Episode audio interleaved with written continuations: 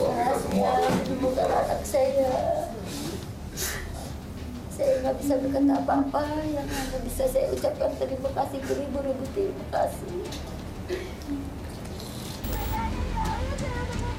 Selasa dini hari 3 Januari, tangis bahagia pecah dari kedua orang tua MA, bocah korban penculikan di kawasan Jalan Gunung Sahari, Jakarta Pusat, 7 Desember lalu. Setelah hampir sebulan, mereka akhirnya mendapat kabar dari polisi bahwa sang buah hati telah ditemukan.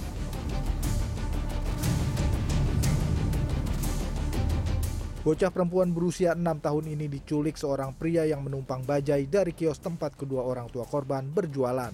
Ini dia tuh datang ke kios, uh, terus ke ngopi, nanya sama dia itu masak beras apa tidak. Nah, terus kata dia nggak punya beras, terus dia beli beras. Nah, setelah beli beras dia balik ke kios, terus dia bilang mau beli ayam fried chicken. Nah, setelah beli ayam fried chicken, si anak itu ngikutin dari belakang. Gitu. Terus sampai fried chicken, dia nyetopin bajai. Nah, lanjut dia naik bajai.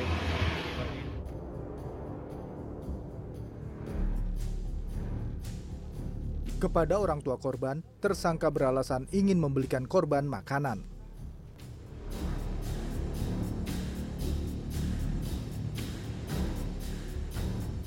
Tersangka lantas membawa MA melewati sebuah gang kecil dan menyeberang rel kereta api.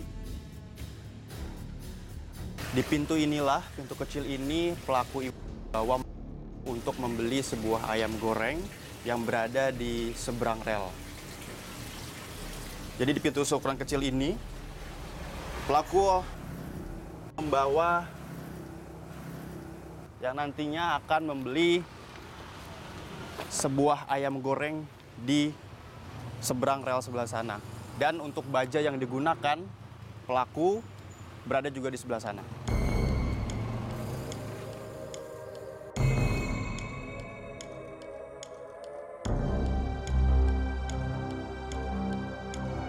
Dua hari sang anak tidak kembali. Orang tua korban akhirnya melapor ke polisi pada 9 Desember 2022. 12 Desember 2022, video CCTV aksi penculikan menjadi viral. Satreskrim Polres Metro Jakarta Pusat menyebut, tersangka bekerja sebagai pengumpul barang bekas dan sering minum kopi di warung milik ibu korban. Tersangka dan keluarga korban juga sudah saling kenal beberapa bulan lalu. anaknya juga kalau dia datang itu udah langsung nyamperin udah kayak mungkin udah kayak orang tua sendiri gitu kali aja naik gerobak kita di sana ngobrol balik lagi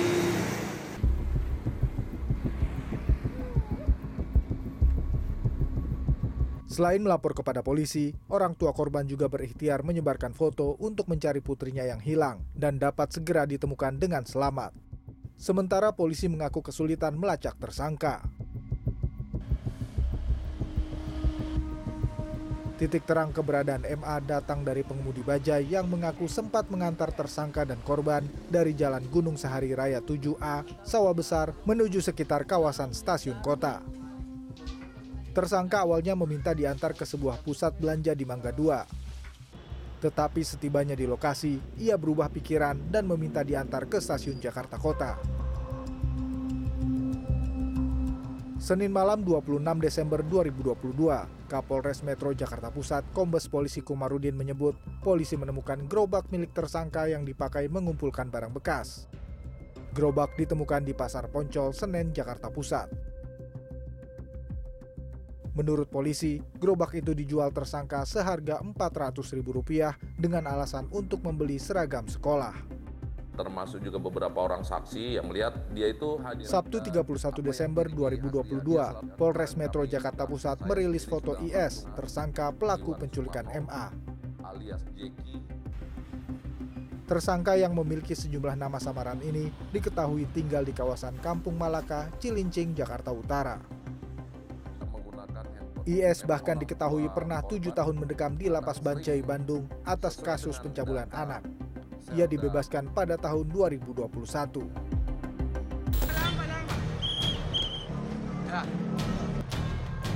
Senin malam 2 Januari, tim Satreskrim Polres Metro Jakarta Pusat akhirnya membekuk IS di kawasan Pasar Cipadu, Ciledug, Tangerang. IS diringkus tanpa perlawanan saat sedang membawa MA di dalam gerobak. Bawaan nyulik itu buat apa? Jawab yang benar. Saya tujuannya bukan untuk mencuri saya cuma suruh mas Heri sudah ambil ambil Heri siapa? saya kenal sama dia di sana cuma baru tiga hari pak di jalan kenal sama dia di jalan Selama diculik, MA dibawa berkeliling untuk mengumpulkan barang bekas dari satu tempat ke tempat lainnya. Kabit Humas Polda Metro Jaya, Kombes Polisi Endra Zulpan pada Selasa siang 3 Januari menyatakan, dari hasil visum sementara, MA diduga mengalami kekerasan fisik. Selain menyentil bibir korban, tersangka IS juga diduga menendang pinggang korban. Polisi pun menduga tindak kekerasan ini dilakukan tersangka jika korban tidak menuruti perintahnya. Hingga saat ini, MA masih dirawat di Rumah Sakit Polri Kramat Jati, Jakarta Timur. Selain tim dokter spesialis anak, korban juga menerima pendampingan dari dokter psikiatri forensik dan psikolog forensik. Rabu 4 Januari, Kapolres Metro Jakarta Pusat Kombes Polisi Komarudin menyatakan tersangka dijerat pasal berlapis dan terancam hukuman 15 tahun penjara. Kami terapkan pasal 76F yang berbunyi setiap orang dilarang menempatkan, membiarkan, melakukan, menyuruh melakukan atau turut serta melakukan penculikan, penjualan dan atau perdagangan anak.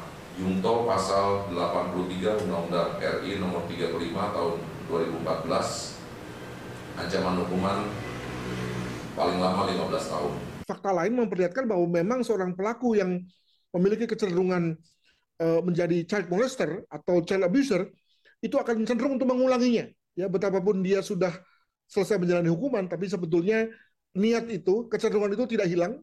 Dan ketika dia memiliki kesempatan, maka dia kemudian mengulanginya. Kasus penculikan ini menjadi pengingat bagi orang tua dan anak untuk waspada terhadap orang lain sekalipun yang sudah dikenal secara dekat. Sekali lagi, kita ucapkan terima kasih. Tim Liputan CNN Indonesia.